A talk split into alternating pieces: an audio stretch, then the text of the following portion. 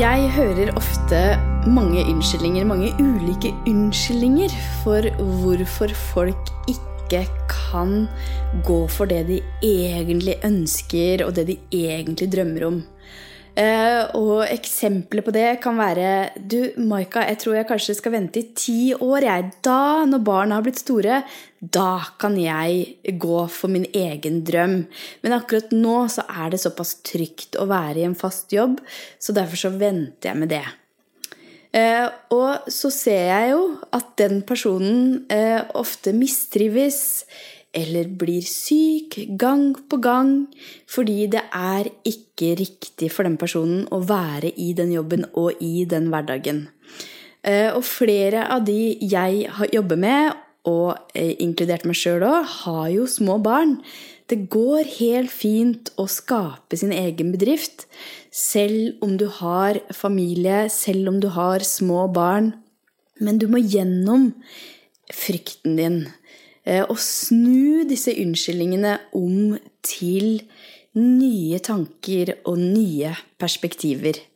Eh, og det er jo en reise, men det handler om å begynne et sted. Å ta ett steg hver eneste dag og bestemme seg for at det er den veien her jeg vil gå. Og så er det også eh, en annen unnskyldning som ofte kommer, og det er den med at jeg har ikke råd. Tenk om jeg ikke får betalt eh, huslånet. Jeg kan virkelig ikke ta sjansen på det her økonomisk. Ehm, og det er også en unnskyldning som mange bruker for ikke å våge å gå i den retningen som egentlig er riktig. Eh, og det er mange måter å finne ut av det her på. Eh, for noen så trenger de litt mer tid på å kunne ta eh, gradvise steg mot denne her sjelfulle bedriften, mot det å skape det. Kanskje ta opp litt ekstra lån på huset, spare seg opp en buffer. Mens for andre, sånn som meg, jeg hoppa jo bare ut i det og gikk inn i det med hud og hår, og det gikk også bra.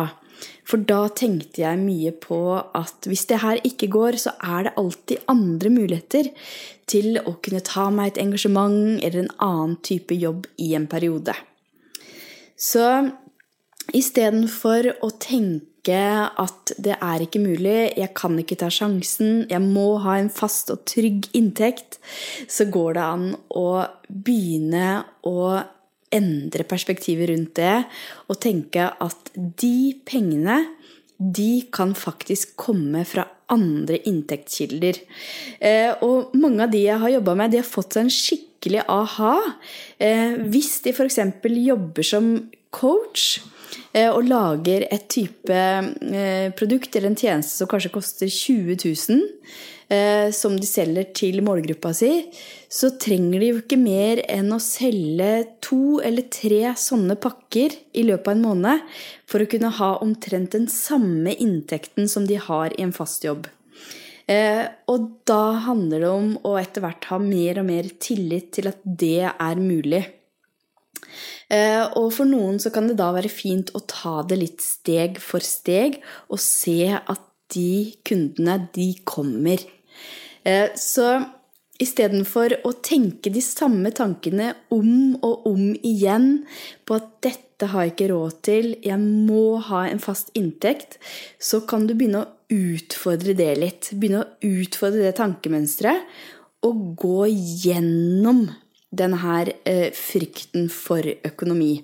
Fordi at jeg tror at du faktisk må gå gjennom det istedenfor å gå rundt det. Eh, for å kunne få et helt nytt bilde på hva som faktisk er mulig. Så det er et par av de unnskyldningene som folk har. Både det at de må vente til barna har blitt større, eh, og at de har ikke råd, eller det er ikke mulig med tanke på økonomi. Eh, og så er det også en annen ting som jeg ofte hører, og det er at du, jeg må bare ta det kurset først, jeg. Jeg må fylle på med mer kunnskap og utdanning. Så nå eh, må jeg vente kanskje et par år før jeg kan starte en bedrift. For først så skal jeg ta den utdannelsen og den utdannelsen, og eh, lære mer og mer og mer om det og det og det. Men poenget er at du kan mer enn nok nå for å kunne starte og for å kunne skape en bedrift du kan leve av. Eh, så eh, det å bruke den unnskyldningen nå er egentlig bare en sånn eh, trygghet som hjernen lager for at du skal utsette det å starte opp. Så det å vente og vente og vente, det trenger du ikke. Du kan starte i dag med de her små stegene. Og etter hvert som du går i den retningen du egentlig skal, så blir også denne her frykten mindre og mindre. Eh, og så Jeg må ta enda en ting som jeg ofte hører, og det er jo Å, herregud, hva kommer pappa og mamma til å si? Til og med kunder jeg jobber med som er oppe i 50-åra, de sier det samme. Hva kommer mamma og pappa til å si nå når jeg tar en helt ny retning? Nå har jeg vært leder i næringslivet i mange år, og så skal jeg gå over til å jobbe mer spirituelt som en type yogalærer eller som en type veileder. Hva kommer de til å tenke om meg da? Hva kommer gamlenaboen til å tenke? Hva kommer vennene og de gamle kollegaene mine til å tenke om meg da? Og da er jo du inne i en sånn frykt og, eh, for hva andre måtte mene om deg. Og for meg eh, personlig så var det også en eh, vei å gå, det der med å vise en annen side av meg sjøl. Og jeg husker første gangen for noen år siden da jeg hadde en annonse her i eh, et, en lokalavis om at jeg hadde et tilbud om coaching life coaching da jeg fortsatt var i næringslivet i Oslo. Det var altså så flaut at jeg gikk med solbriller på Nesoddbåten. For tenk om noen hadde sett det her, den annonsen om at jeg hadde med meg folk ute i naturen for å gi dem livscoaching. For det var jo det jeg gjorde da. Så dette her var en veldig eh, lang vei for meg å gå, og gå gjennom også den frykten for hva andre måtte mene, eh, og hva folk tenkte om meg, som var så flink, og som var i næringslivet, at nå gikk jeg i en annen retning. Så det eh, tok litt tid for meg å gå gjennom det. Og nå bryr jeg meg faktisk ikke lenger. Nå kan folk mene akkurat akkurat det de vil.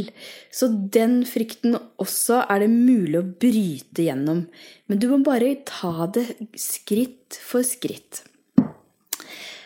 Og så er det en siste frykt som jeg har lyst til å bare snakke litt om her i dag, og det handler om det å være redd for å være synlig det ser jeg også veldig ofte, at når folk begynner å gå denne retningen her, at de ønsker å skape sin egen bedrift, så må de plutselig vise seg fram på sosiale medier, f.eks. Eh, og det jeg ofte ser, er at folk velger naturbilder eller tekopper, eh, eller eh, at de viser hva de gjør i hverdagen, men så viser de ikke seg sjøl. De viser ikke hvem de er, de viser ikke ansiktet sitt. Og for at folk skal kjøpe av deg, så må de faktisk bli kjent med deg og den du er. Og kanskje noe av det verste helt i starten, det er å sende live. Eh, det å våge å trykke på den knappen og sende live. Eh, men det er også noe som er veldig smart å gjøre for å vise deg fram, for at folk skal kunne kjenne energien din og forstå mer av hvem du er. Eh, og for meg så var det også en reise å gjøre mer og mer av det og sende live. Og de første gangene så gikk jeg og grudde meg hele dagen til jeg skulle gjøre det. Og jeg hadde manus, jeg skrev ned ordrett hva jeg skulle si. Eh, og jeg hadde sånn eh, harehjerte og skjelvende stemme når jeg gikk på. Så det òg var faktisk øvelse for meg. Det å bestemme meg for at ok, nå skal jeg gjøre dette her én gang i uka framover. Eh, og i starten så var det jo ikke så mange som var på disse livesendingene, men det kom flere etter hvert. Og etter hvert så ble jeg også mer og mer trygg i akkurat den rollen. Så der handler det faktisk om å bare gjøre det, gjøre det, gjøre det, gjøre det, og dermed bare bryte gjennom også den frykten. Så der har vi altså noen av disse unnskyldningene og fryktene som jeg ofte hører om, og som jeg sjøl har kjent mye på. Og alt handler om å ta ett steg hver eneste dag og bare bestemme deg for det. At du skal utfordre denne frykten litt.